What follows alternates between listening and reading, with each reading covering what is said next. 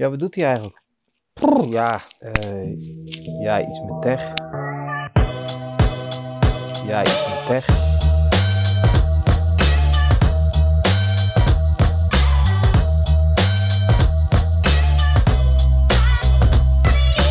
Bijna alles om ons heen heeft wel iets met tech. Alles piept, beweegt of stuurt een bericht. Dim en Ruud volgen en bespreken de zin en onzin in Iets met Tech.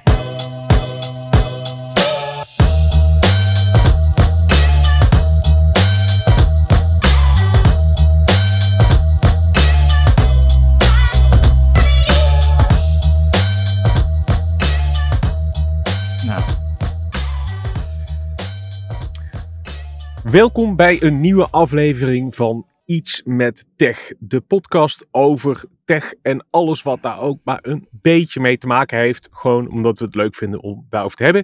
En dat doe ik vandaag met niemand minder, ook niemand anders dan vorige week. Dimitri. hallo, hallo Ruud. Goeie, goedemorgen is het. Het is, het is kwart over negen in den ochtend. Ja, en om maar meteen met de belangrijke vragen des levens te beginnen. beginnen. Ja, Hoe is het nou? ja goed. En, dan, en dat doe je ook een beetje op mijn auto. Kijk, Dat was eh, de verdiepingsvraag inderdaad. dat was een verdiepingsvraag. Ja, nee, ja, jij hebt is- vorige week verteld eh, Ja. dat er iets mis was met jouw, eh, jouw auto en water. Dus ik ben heel benieuwd wat de status is. Nou ja, ik had inderdaad een binnenzwembad in mijn auto. En dat zou een hele simpele operatie zijn, omdat er iets bij de keuring niet was gecheckt. Een opvangbakje in het motorcompartiment en dat moet even leeggemaakt worden. Maar dat bleek toch heel anders te zijn, want ehm, het hele dashboard moest eruit en er bleek ergens iets afgebroken te zijn, maar niemand wist hoe dat kwam.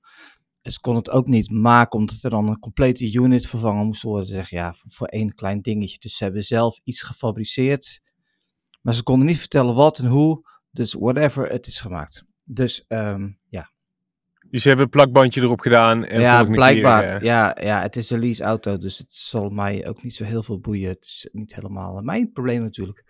Ehm, maar goed, vanochtend ging mijn elektrische fiets weer stuk. Dus ik, ik moest op de, de- niet de manuele fiets, maar de fiets zonder voort... Hoe zeg je dat? Een fiets zonder traphulp. aandrijving. Dus een fiets- zonder aandrijving. En dat is helemaal niet erg, is goed voor me. eh, voor mijn sportlijf. Dus, eh, maar ik ben er joh. Dus de auto is opgelost. Nou, dat is een mooi begin van de podcast. We beginnen Ja. lekker positief, Positief. deze keer. Ehm, vorige keer hebben we het ook een hele tijd over smartphones gehad en de aankondiging van de Galaxy S24-serie. En inmiddels is die onthuld. Weten we alles. Ging het veel over AI.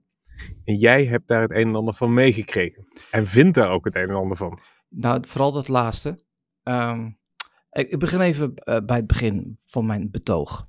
Ehm, de, de S, de Galaxy S-serie, is de op één na meest succesvolle smartphone-serie in de wereld, naast de iPhone. Ehm, dat komt omdat ze daar al heel snel mee begonnen zijn. Daar weten wij alles van, Ruud. En daar jaar Ja. op jaar hebben ze daar eh, binnen dat eh, domein van de S-series hebben ze heel veel dingen gedaan die eh, mooi, goed of, of eh, of vernieuwend waren. Alleen de la- laatste paar jaar gaat dat gewoon niet meer. Want de hele wereld in de smartphone staat stil en er wordt niks meer ontwikkeld. En dan zal iedereen bij Samsung of bij elk ander merk zeggen dat is niet waar.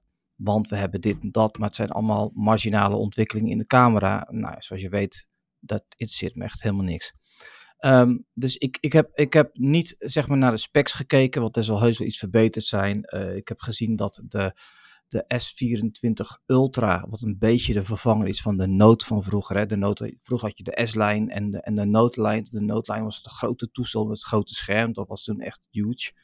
Nou, tegenwoordig vinden Is die, is die toen eigenlijk, eigenlijk gestopt nadat die nooit in de fik vloog? Nee, nee, hij is nog wel even... Is, zijn daarna nog meer notes uitgekomen? Ja, er zijn nog wel meer notes uitgekomen. Op een gegeven moment zag je gewoon dat de beeldschermgrootte van de normale eh airquotes eh, toenam, waardoor het verschil tussen de Note en de, en de gewone S-serie gewoon kleiner. En op een gegeven moment hebben ze die twee series gewoon samengevoegd. Dus je hebt de, eh, de S, S24, S24 Plus en S24 Ultra. En de S24 Ultra is eigenlijk wat vroeger de Note was. Die heeft ook dat pennetje en zo.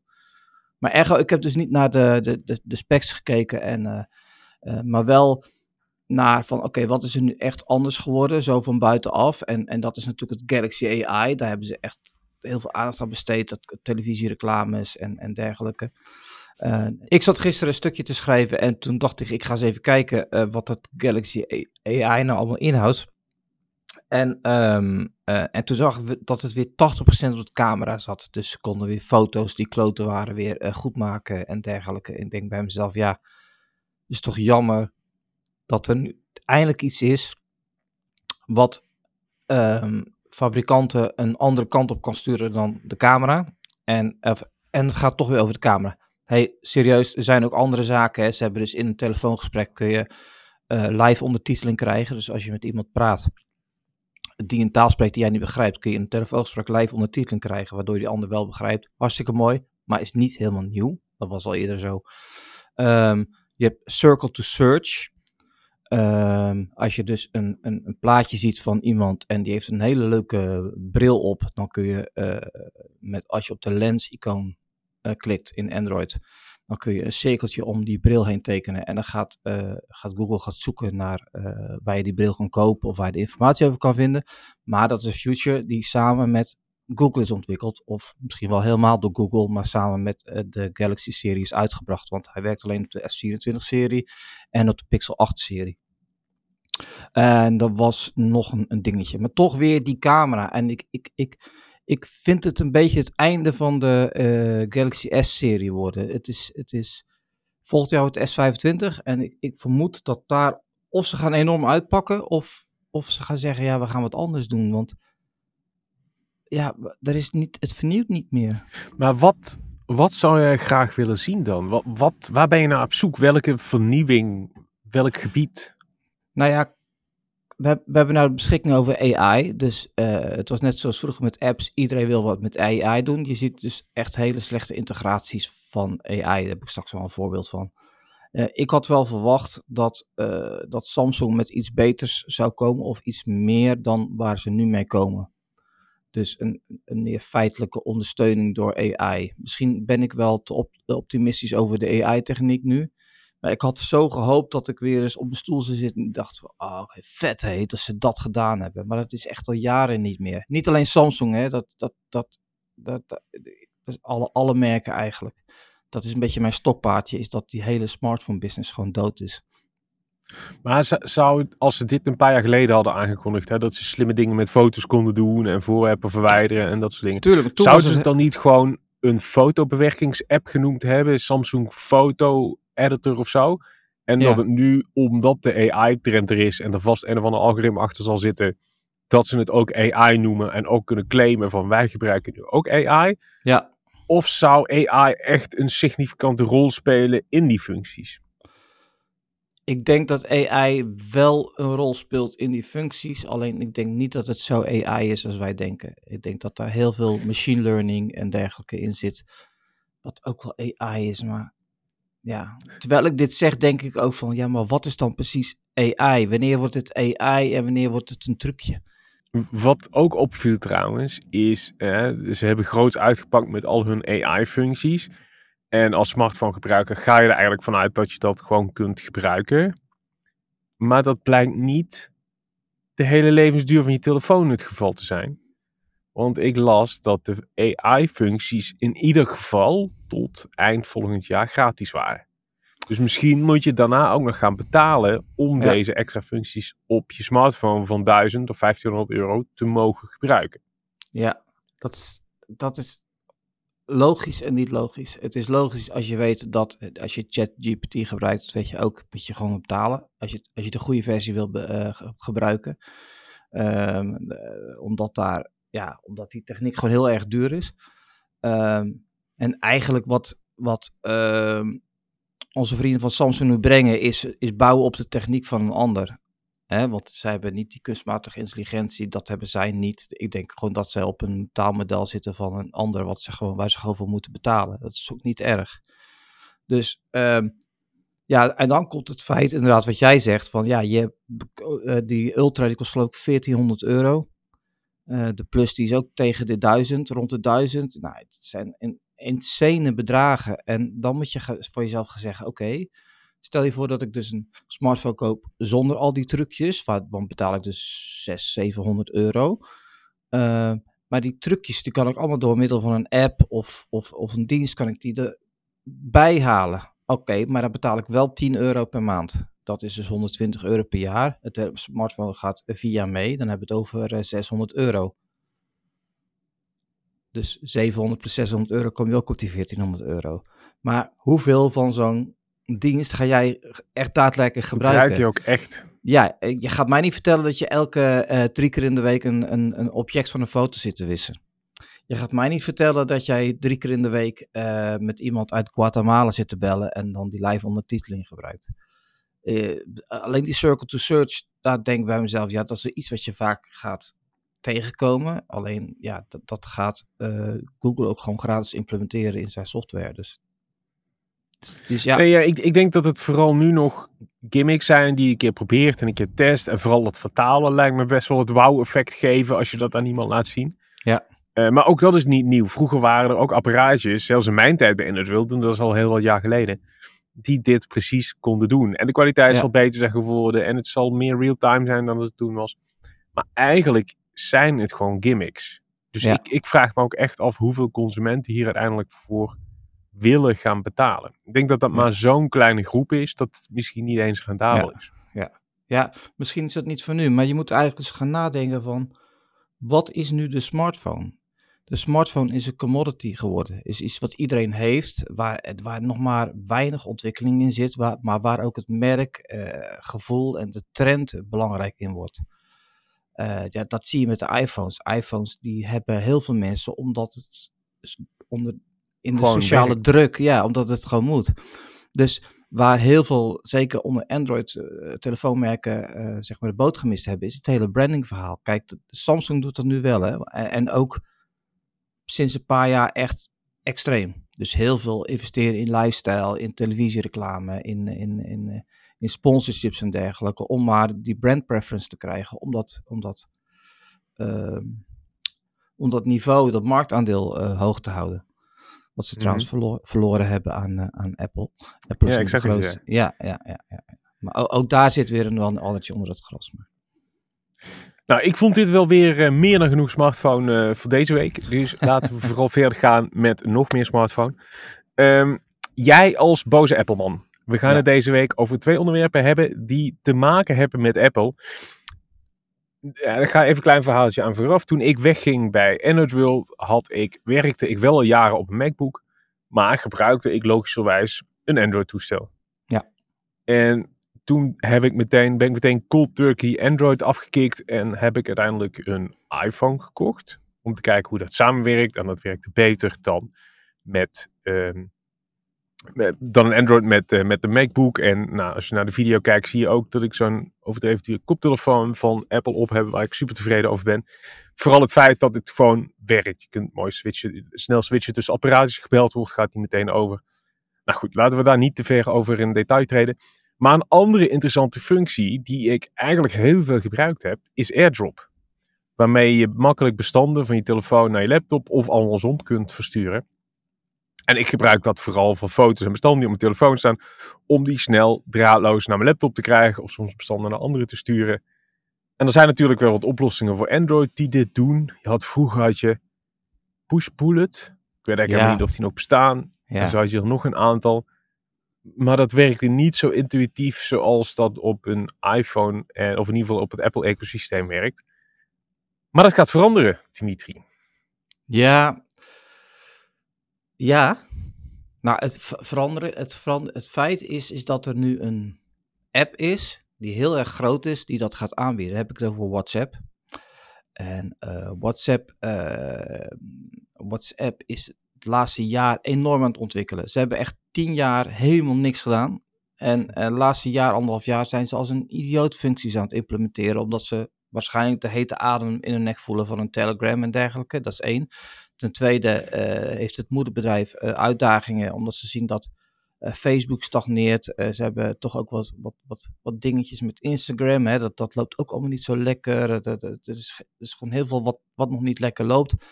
Terwijl WhatsApp enorm veel gebruikers heeft. En eigenlijk een heel stabiele factor is, maar waar geen geld aan verdiend wordt. Um, dus ik heb soms een beetje het gevoel dat voor Meta uh, WhatsApp het nieuwe Facebook uh, gaat worden. Maar dat gezegd hebbende. Ehm zij in de code van de beta-update, er is een site die haalt elke keer als er een beta-update in de markt komt, haalt die zeg maar dat allemaal uit elkaar. En ehm, daarin kunnen ze aanwijzingen vinden eh, eh, voor wat er komen gaat. En een van die aanwijzingen die ze gevonden hebben is dat er een file sharing systeem komt, een bestandsdeelsysteem. En dat is eigenlijk een soort kloon van, van AirDrop. Dat wil zeggen, als, jij, als ik bijvoorbeeld een, eh, een pdfje heb, eh, we zitten samen te vergaderen en ik heb een pdfje, dat wil ik naar jou sturen. Jij zit hier tegenover me, dan kan ik door met mijn telefoon te schudden. eh moet eerst de app openen en dan de telefoon schudden. En dan kan je ook die app openen en dan zie je, hey, Dimitri wil jou iets sturen. Dan klik je op accept en dan wordt dat bestand gestuurd. Ja, that's it. Ehm, Maar ik, ik realiseer me nu eigenlijk onder dat jij dit zo helder uitlegt. ja. Wat is dan echt de toegevoegde waarde ten opzichte van gewoon even dat pdfje selecteren en versturen via een chat zoals dat nu gaat? Ehm, ehm, ik, ik, ik, ik weet, weet ik niet, niet precies. Daar heb ik nog niet over nagedacht. Dat is een goeie. Waar ik wel over nagedacht heb, is natuurlijk dat het ingebakken wordt in een app die voor door, weet ik veel, 2 miljard mensen wordt gebruikt. Ja. En het daarmee wel heel. eh, d- en wat we dan vergeten is dat WhatsApp nog steeds onderdeel is van Meta. Eh, je WhatsApp ook verbonden is met je Facebook. Nou, daar stopt het even voor mij. Daar heb ik verder nog niet over nagedacht. Maar ik denk, wat ik, wat ik, wat ik interessant vind, is dat WhatsApp nu zoveel functionaliteiten erbij krijgt. Hè? Dus we hebben de kanalen. Dat is Mhm. ook een rip-off van, eh, van Telegram. En die kanalen zouden best wel eens belangrijk kunnen zijn. Misschien moeten we ook zo'n kanaal maken voor iets met tech. Dat mensen ons via WhatsApp kunnen volgen en, en de updates krij- kunnen krijgen. Eh, want eh, realistisch gezien, ik denk dat 99% van de mensen die nu luisteren gewoon WhatsApp gebruiken. En, Vooral in ehm, Nederland. eh, Vooral in Nederland. Maar in Amerika is het, is het ontzettend hard aan het groeien. En daarom, dat is ook een van de redenen, denk ik, dat daar heel erg hard aan getrokken wordt. Omdat ze zien dat in Amerika eindelijk de, de leverage is voor die app. Dat ze zeggen oké, weet je dan moeten we ook zorgen dat we up to speed zijn. Ehm, dus ja, ik, ik, ik, ik vind het interessant waar het heen gaat. Messenger apps, dat weet je, dat is altijd een beetje mijn hobby geweest. En ehm, ik heb al heel lang geleden gezegd van ja, eh, WhatsApp zal toch wel moeten uitbreiden, meer dingen moeten gaan doen om interessant te blijven. Nou, dat gebeurt nu echt. En, Ja, eh, maar- zou, zou jij dan liefst een WhatsApp hebben die à la WeChat is, waar je echt alles Ja. in kunt doen, waar je je moeder een verjaardagskaart kunt sturen, een taxi kunt bestellen, Ja. berichten kunt sturen, kunt betalen, alles? Ja, ja en nee. Ehm, eh, ik heb een tijdje WeChat gebruikt, eh, omdat ik voor een Chinees bedrijf werkte, een paar jaar. En ja, het, het is echt waanzinnig. Maar het is ook echt de, het is ook gewoon het systeem waar iedereen daarmee werkt. Het, een, een, mijn, mijn toenmalige eh, man- manager of, of country manager, die moest naar China voor een week. om ehm, zijn, eh, zo, iets een verblijfsvergunning, whatever. En die ging gewoon zonder portemonnee op reis. Hij zegt, ja, maar alles zit in mijn WeChat. Dus ik tik taxi betaald. Hij zegt, ik moet een afspraak maken met de dokter. Maar dat kan gewoon vanuit WeChat. Dus, dus ja, en, en, en ik, de- ook zakelijke afspraken, deals, eh, vergaderen, eh, alles ging via WeChat. Daar, moet je, daar moest ik toen heel erg aan wennen. Maar je ziet nu ook wel hè, dat, dat heel veel gaat via WhatsApp groepen. Toch? Ja, alleen WhatsApp ook. mist, mist die functionaliteit voor echt een, een veel groter platform te worden. Want je kunt daar, ze hebben inmiddels een paar miljard gebruikers, dus je kunt daar Ja. makkelijk andere functies in integreren. Ja. Maar WhatsApp is ook wel van oudsher, want toen het verkocht werden, werd, lang, lang geleden aan Facebook, volgens mij werkte dat toen ook maar 50 mensen. Aan een app die miljarden waard is. Ja, Wat natuurlijk ook wel fascinerend is. ze hebben er echt heel weinig geld voor betaald. Relatief. Wat, wat trouwens altijd wel grappig was, is, ik kan me nog heel, heel goed oudejaarsavond herinneren bij Enerworld. Lang geleden. Maar dan, vooral in het begin, wat je vroeger met de netwerken had, dat T-Mobile en Vodafone en KPN, dat ze overbelast werden. Dat, dat, dat je je moeder niet kon bellen om 12 uur, omdat er te veel mensen aan het bellen waren. Dat had WhatsApp ook elk jaar aan de hand, een aantal jaar. Waardoor WhatsApp dan een grote storing had en berichten niet aankwamen en, en mensen nou, misschien wel een beetje paniek raakten van hij mijn WhatsApp deed het niet. Dus dan stopte ik even met Gourmetten of jij en dan eh schreef ik snel een artikeltje daarover. Nou, en wat daarop afkwam van mensen, Ja. dat was echt bizar. Is nog steeds, hè? Is nog steeds als je, als je eh, op een site als Android World of Planet, whatever, een artikel schrijven met dit zijn drie nieuwe functies van WhatsApp. Dat gaat sky high. Want dit is iets wat iedereen aangaat. Ook wat iedereen snapt. Snap je? Dus Jouw, jouw moeder, mijn moeder zou ook nog dit artikeltje kunnen lezen van hé, hey, er komt iets nieuws naar WhatsApp. Dat gebruik ik elke dag. Dat snap ik. Dus, dus, dus ik, ja, ik vind het super interessant. Ja, grappig. Ik, heb ooit bedacht om een klein websiteje over WhatsApp te maken. Met allemaal informatie over WhatsApp. Van eh, hoe moet je hem instellen, hoe moet je dit doen, en hoe moet je dat doen. Ja. En volgens mij hadden we toen een domeinnaam WhatsApper of zoiets. Whatsapper.nl.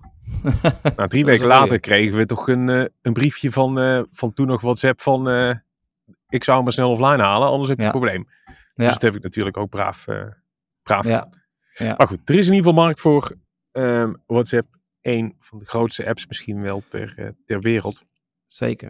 Ehm, ik begon dit stukje met dat we het over twee dingen over van Apple gingen hebben. En eh, de andere die ik wil meenemen is de update naar iOS 17.3. Yes. Nou, normaal vind ik iOS-updates niet zo overdreven spannend. Maar hier zit wel, zitten wel twee dingen in die, eh, ja, wat ik eigenlijk wel leuk vind om, eh, om te delen. Eén is dat de beveiliging wat beter is geworden. Eh, er schijnt ooit een onderzoek geweest te zijn dat als je iemand zijn code, zijn pascode van een iPhone hebt in dit geval, dan kun je eigenlijk bijna alles doen. Dus je hoeft alleen maar de code af te kijken en je kunt in iemand zijn hele leven en telefoon rondneuzen. Dus wat hebben ze nu gedaan met deze update? Eh, er zijn een aantal dingen die kun je nog steeds met de pascode doen. Maar er zijn ook een aantal beveiligingszaken die alleen nog maar met Face ID of Touch ID, dus met gezicht of met een vingerafdruk kunnen doen. Waardoor het hele ecosysteem eigenlijk weer net wat veiliger wordt. Want stel voor je hebt een telefoon gejat van iemand en je wil hem gebruiken, je hebt de pascode, dan kun je nu dus vanaf de laatste update kun je niet meer alles doen. Dus ik vind dat eigenlijk een hele kleine, maar misschien ook wel grote nieuwe functie die, eh, die Apple bedacht heeft om eh, ja, het kwaadwillende lastiger te maken om een telefoon te gebruiken als ze hem eh, bemachtigd hebben. Goeie zaak. En over goede zaken gesproken. Nou, ik, eh, ik ben fan van. eh, ik vind het leuk om met streaming, hardware en diensten en zo bezig te zijn. Ehm, en vooral de Chromecast hebben we enthousiast over, hebben we er een paar keer over, over gehad. Maar in iOS 17.3 zit ook een nieuwe functie die het mogelijk maakt om naar apparaten in de buurt te streamen. Dus hoe dat in de toekomst zou kunnen gaan werken, want er eerst natuurlijk moet ook een tv bijvoorbeeld daar ondersteuning voor hebben. Je, hebt dan, je haalt dan eigenlijk het, het hardware component, de Chromecast, haal je er tussenuit. Dus je scant dan, je bent bijvoorbeeld een hotelkamer, er komt een of andere code op het scherm te staan, die scan je met je iPhone. En vervolgens kun je gewoon dat scherm gebruiken om te streamen. Onafhankelijk van je internetverbinding, of je nu wifi hebt, of 5G hebt, of wat dan ook. Je kunt dus eigenlijk naar apparaten in de buurt, kun je gewoon streamen met je iPhone, native. En daar zijn nu ook oplossingen voor. En Chromecast kon dat altijd met de gastmodus. Nu wat lastiger, omdat ze die op een andere manier geïmplementeerd hebben. Maar ik vind dit een, eh, ja, een mooie ontwikkeling om eigenlijk een, toch een schakel ertussenuit te halen. Waardoor het streamen, in ieder geval op de iPhone. En hopelijk gaat dit ook weer op de Apple manier werken. Heel eenvoudig, intuïtief, lekker snel. Werkt voor iedereen, zodat ook onze moeders dit, eh, dit zouden kunnen. Ja, ik, eh, ik kijk daar naar uit. Dus ik vind, eh, ook al is het een kleine update van Apple, ik vind daar een aantal mooie, mooie dingen in zitten.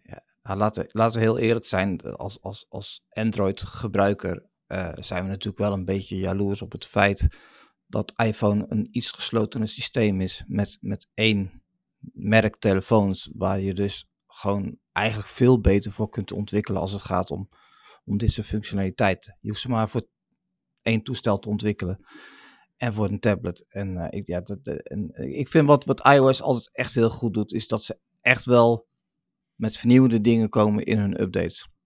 Dat is met, met Android wel eens wat anders natuurlijk. En, en ook een, een iets vernieuwends in Android wordt vaak een beetje eh, eh, bedekt door wat de telefoon die je gebruikt er zelf mee doet. Snap je?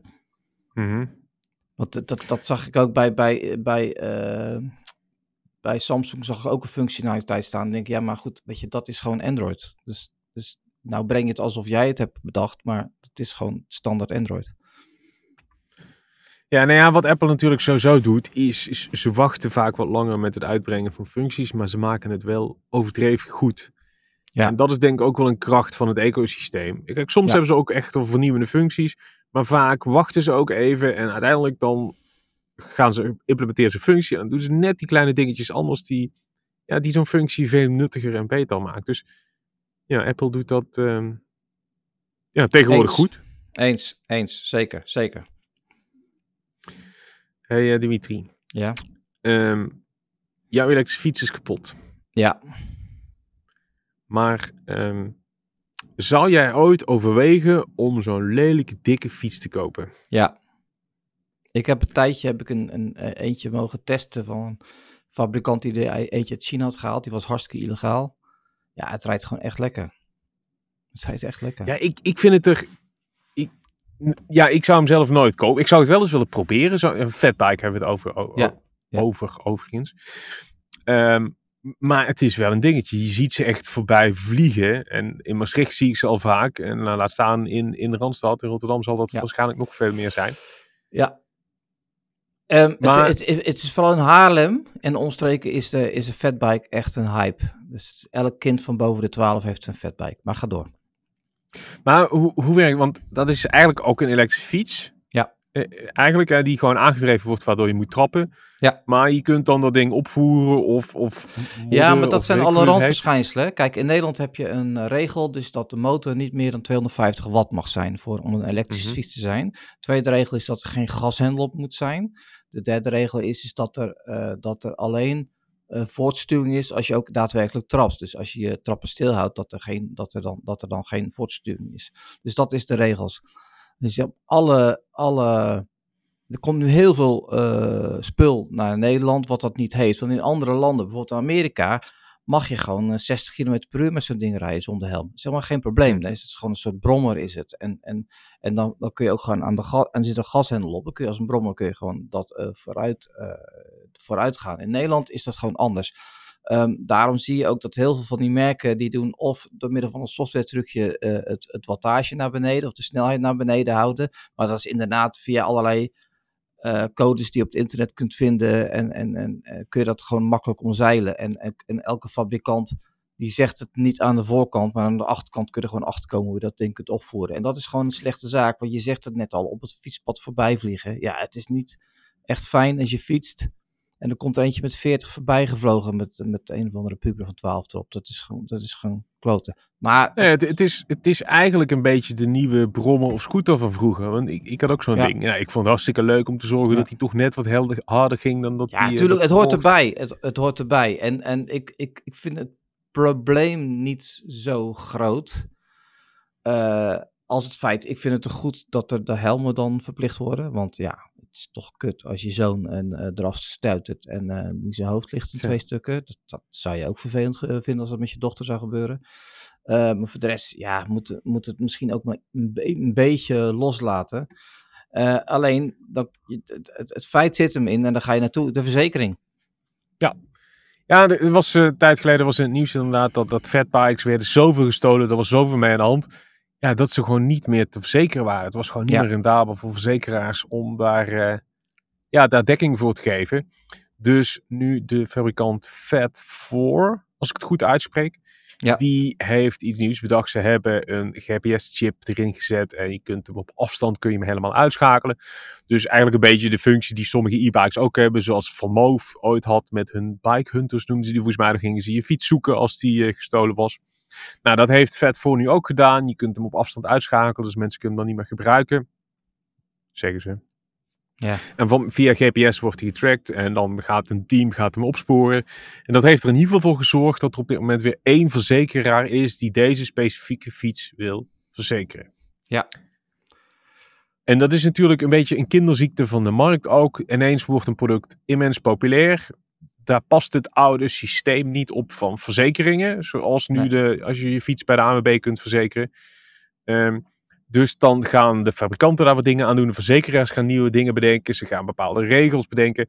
En uiteindelijk wordt die markt wat volwassener. En dan kan uiteindelijk iedereen zijn fatbike weer verzekeren. Dus ja, dit was daar een eerste stap in. Interessant genoeg om te delen. Maar Ja, ik ben wel erg benieuwd waar deze fatbike markt naartoe gaat. Ja, maar e- even eh, als toelichting. eh, de verzekeraar die verzekert alleen een vet voorbike die voldoet aan de Nederlandse wetgeving. Dus eentje die, waar je zelf moet trappen, die om 250 watt heeft en die niet opgevoerd is, officieel. Snap je? Het is niet zo Dus- dat, dat, dat ze een vet voor die standaard eh, 40 rijdt. Die gaan ze niet verzekeren, tenzij er een brommelplaatje op zit.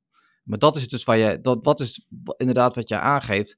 Die ontwikkelingen gaan zo snel, maar de wetgeving die loopt daar een beetje achteraan. Om te zeggen, oké, van wanneer is het een brommer? Mo- Moet je dus een verzekeringsplaatje hebben van wanneer is de fiets? En hoef je dus niet verplicht een verzekering te hebben. Eh, dus dus daar, dat, dat gebied is gewoon heel erg eh, wazig. En dat is hetzelfde met de stepjes. Precies. Ja, Nederland dus- loopt jaren achter qua regelgeving met elektrische steps en andere elektrische voertuigen die... Ja, ze, ze weten gewoon niet zo goed wat ze daarmee moeten. Nee. In andere landen worden ze gewoon gebruikt en kunnen ze verzekerd worden en mogen ze op straat. En in Nederland niet. Wil, ik- wil Nog ik niet. even een kleine shout-out doen naar onze eerste special, waar we met Brekker gesproken hebben, een Nederlands eh, merk die elektrische brommers, fietsen en, eh, en lichte motoren maakt. En daar hebben in die podcast praten we met hem ook over, over dit, dit stukje, want hij heeft ook, zijn fiets is ook een fatbike. En ehm, daarin sprak hij ook over een plan om met alle merken samen eh, toch een soort coalitie te vormen in Nederland om om sowieso het image van de eh fatbike ehm, eh, te verbeteren. Want het, het, het, het is een, heeft een beetje een negatief image. Terwijl hij zegt, een fatbike biedt gewoon heel veel voordelen. Ook voor mensen die slechte been zijn. Die kunnen makkelijker op een fatbike komen dan op een gewone elektrische fiets. Want die is hoog. En als ze er afvallen, vallen ze verder naar beneden. Ehm, maar ook over het verzekeren, daar, daar gingen ze ook, daar wilden ze proberen om met elkaar van wat moeten we doen om, eh, om te zorgen dat, ja, dat dit niet nog verder uit de hand loopt. Dus eh, luister, die, eh, luister die special. Precies. Hey, over... ehm, Nou, ik heb geen bruggetje. Formule 1 begint binnenkort. nee, je hoeft niet altijd een bruggetje te hebben. nou, dat is wel een beetje de uitdaging, toch? Ja. Nou, Ja. ik, ik ben zelf totaal geen Formule 1 fan. Ik kijk het niet. Als het ergens op staat als ik er ben, dan kijk ik met een halve oog ernaar. En dan, Ja. dat was het ook wel. Maar jij bent wel een vervent kijker, toch? Ja, ik, eh, ik kijk wel alle races. Ja, klopt. Ja, ja, klopt. Hoe kijk jij die races? Gebruik je daar een illegale stream voor? Of gebruik je daar een eh, dienst voor? Of hoe doe je dat? Nou, ik was altijd heel blij met Ziggo, want ik had Ziggo. En ik vond ook eh, de Ziggo Studio en de verslaggevers vond ik heel erg goed. Toen kwam Viaplay. Nou ja, daar zaten heel veel kinderziektes in. Je moet natuurlijk heel erg wennen aan twee nieuwe commentatoren als je al, weet ik veel, 15 jaar naar eh, Olaf eh, Mol eh, luistert, die dat altijd doet. Ik, moet, ik, ik, ik vind het niet fair dat mensen zoveel shit over zeg maar, die organisatie hebben gegooid als het gaat om Formule 1. Want ze hebben echt wel ook wel goede dingen gedaan. Ehm, maar ik, ik, ik kijk dus de afgelopen jaren ook via Viaplay gekeken. Ik heb heel even de, de officiële Formule 1 app overwogen. Waar ze tegenwoordig ook Nederlands commentaar in hebben. Maar dat is dan weer van Viaplay. Eh, maar ik zit nog steeds bij eh Viaplay. Oké, nou ja, het, het seizoen begint binnenkort weer. Hè? Ik weet niet precies wanneer. Daar heb jij vast een beter idee van. Nou, Ehm, en dan gaan streamingdiensten altijd bekendmaken wat de prijzen gaan zijn. Mensen beginnen langzaam abonnementjes af te sluiten, omdat ze toch wel een jaar willen kijken. En nu is er vorig jaar natuurlijk heel veel aan de hand geweest met Viaplay. Eh jaarabonnementen die eens eerder opgezegd werden, prijsverhogingen, te weinig inkomsten, CEO's die verdwenen. Dus Viaplay is echt wel in het nieuws geweest. Het aandeel is ook ontzettend gekelderd. Maar lijkt er toch weer op dat ze vol goede moed aan de slag zijn gegaan. Wat ze ook hadden gedaan trouwens vorig jaar is, je kon geen jaarabonnement meer nemen, waar je vaak dan wat korting op krijgt. Je kon alleen nog maar een duur maandabonnement krijgen. Nou, daar gaat dus nu verandering in komen. En dat heeft misschien ook een beetje te maken met de prijsverhoging van Formule 1 TV Pro. Die een tijdje geleden is aangekondigd. Die was relatief goedkoop. Nou, je geeft zelf al aan, ze hebben nu een Nederlands commentaar. Kosten zijn misschien wat hoger, dus daar zijn ook de prijzen van omhoog gegaan. En Viaplay heeft deze week bekendgemaakt dat ze ook weer een jaarabonnement gaan aanbieden. Eh daar krijg je wat korting op. Die gaat 12,79 per maand kosten omgerekend. En dan kun je een heel jaar Formule 1 en ook andere dingen kijken. Ik denk dat ze ook nog wat voetbal uitzenden. En Ze nog hebben wat Engels films en series hebben. En ze hebben wat films en series. Ik, ik heb één, ik moet zeggen, ik heb één serie gekeken die, eh, die, wel, eh, die wel goed was. Science fiction serie. Ehm, ja, ik, en ik kijk zo af en toe het, het, eh, het Engelse voetbal wel eens. Maar ja, ik zit. Ja, het, ze hebben natuurlijk met de Formule 1 wel heel sterke troef in handen. Maar ze moeten daar zoveel voor betalen. Ja, ik, de rest is gewoon niet goed genoeg, Ruud. En ehm, ik, ik, ik moet nog beslissen wat ik doe. Mhm. Hoe, lang, hoe lang hebben ze de rechten nog, weet je dat? Sowieso dit jaar nog? Volgend Uh, jaar? volgens mij tot ook nog. 2025. Ehm. Maar er, er, er wordt al anderhalf jaar gesproken dat, dat, dat het onderling. Maar goed, eh, Kanaal Plus, of Kanaal, eh, kanaal Digitaal, wat nu weer Kanaal Plus is geworden. Die, hebben, eh, die gaan ook Formule 1 laten zien. Zeg ik zo uit mijn hoofd, omdat zij zeg maar geïnvesteerd hebben in Viaplay. Eh, daar, is, daar is een soort link tussen. Moet ik even uitzoeken. Dus, dus daar, daar, daar, daar gebeurt nog wat een en ander in. Dus dat is ook waarschijnlijk even de reden dat ze hun nieuwe streamingdienst hebben aangekondigd eh, recent. Ja, om ja, ja, ja. Ze, ze, ze, zijn, ze zitten er eh, weer bovenop. En, het- het staat op mijn lijstje ook om een proefabonnement te nemen, eens te kijken hoe dat, eh, hoe dat nou precies werkt. Precies. Hey, omdat wij van structuur houden, hebben wij een nieuw Ja. vast onderdeel bedacht. Eh, deze week komt het sowieso terug. En volgende week Ja. misschien ook weer. En wie weet gaan we er lekker mee door. Ja, En ik heb een... ehm, ik vind het leuk om tooltjes te proberen. Om zeker. sof- nieuwe software, nieuwe, nieuwe dingen. Als ik ergens in een podcast een tooltje hoor, denk ah, dit is ook maar enigszins matig interessant. Dan zet ik het op mijn to-do-list. En vervolgens ga ik, het, eh, ga ik het downloaden. Dus wat we vanaf nu gaan doen is elke week een tool van de week bespreken. En dat Ja. kan een to-do-list zijn, of een video-editor, of een podcast-app, of verzin het maar. Het kan allemaal voorbij komen. En ik begin deze week met een tool waar wij pas naar zijn overgestapt.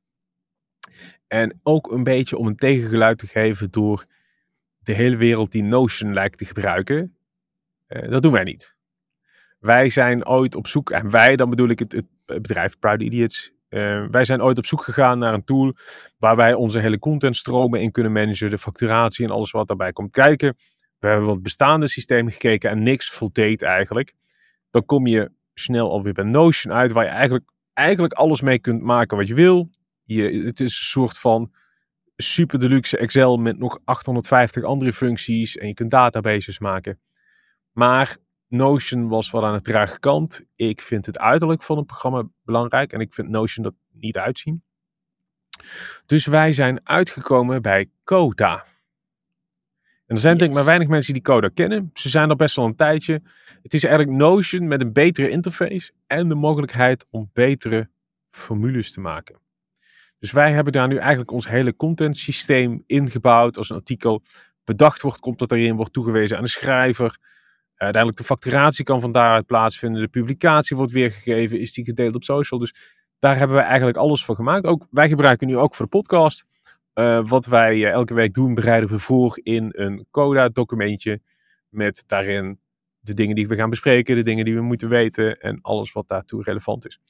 Dus Ja. ben je op zoek naar een alternatief van Notion? Ben je gevoelig voor, voor design en werk je misschien verder met formules om bepaalde tabellen of data voor elkaar te krijgen? Dan is Coda absoluut een aanrader. Ik ben het met je eens, Ruud, want wij delen de liefde voor toeltjes. En ik ben het ook gaan gebruiken. En ehm, ik heb voor mezelf heb ik even wat gemaakt. Weet je, het is fantastisch om mee te vreubelen. Met, met, met, met, met Coda of Notion. Eh Notion heeft trouwens een hele mooie kalender-app uitgebracht, met dat terzijde. Ja, Ehm, je- heb je die, voorheen was dat Chrome, die heb ik een jaar gebruikt of zo. Die is al Ja. vrij vroeg overgenomen door Notion. Ja. En wat daar vooral heel goed in gaat, zijn tijdzones. Daar kunnen ze heel goed mee omgaan. Dat werkt echt fantastisch. Maar goed, sorry, ga verder. Dat gezegd hebben. Eh ik, eh, ik ben, en, en wat leuk is aan, aan, aan zo'n tool, is, is eigenlijk alles is een database. Dus dat, dat is de basis. En met zo'n database kun je allerlei dingen gaan doen.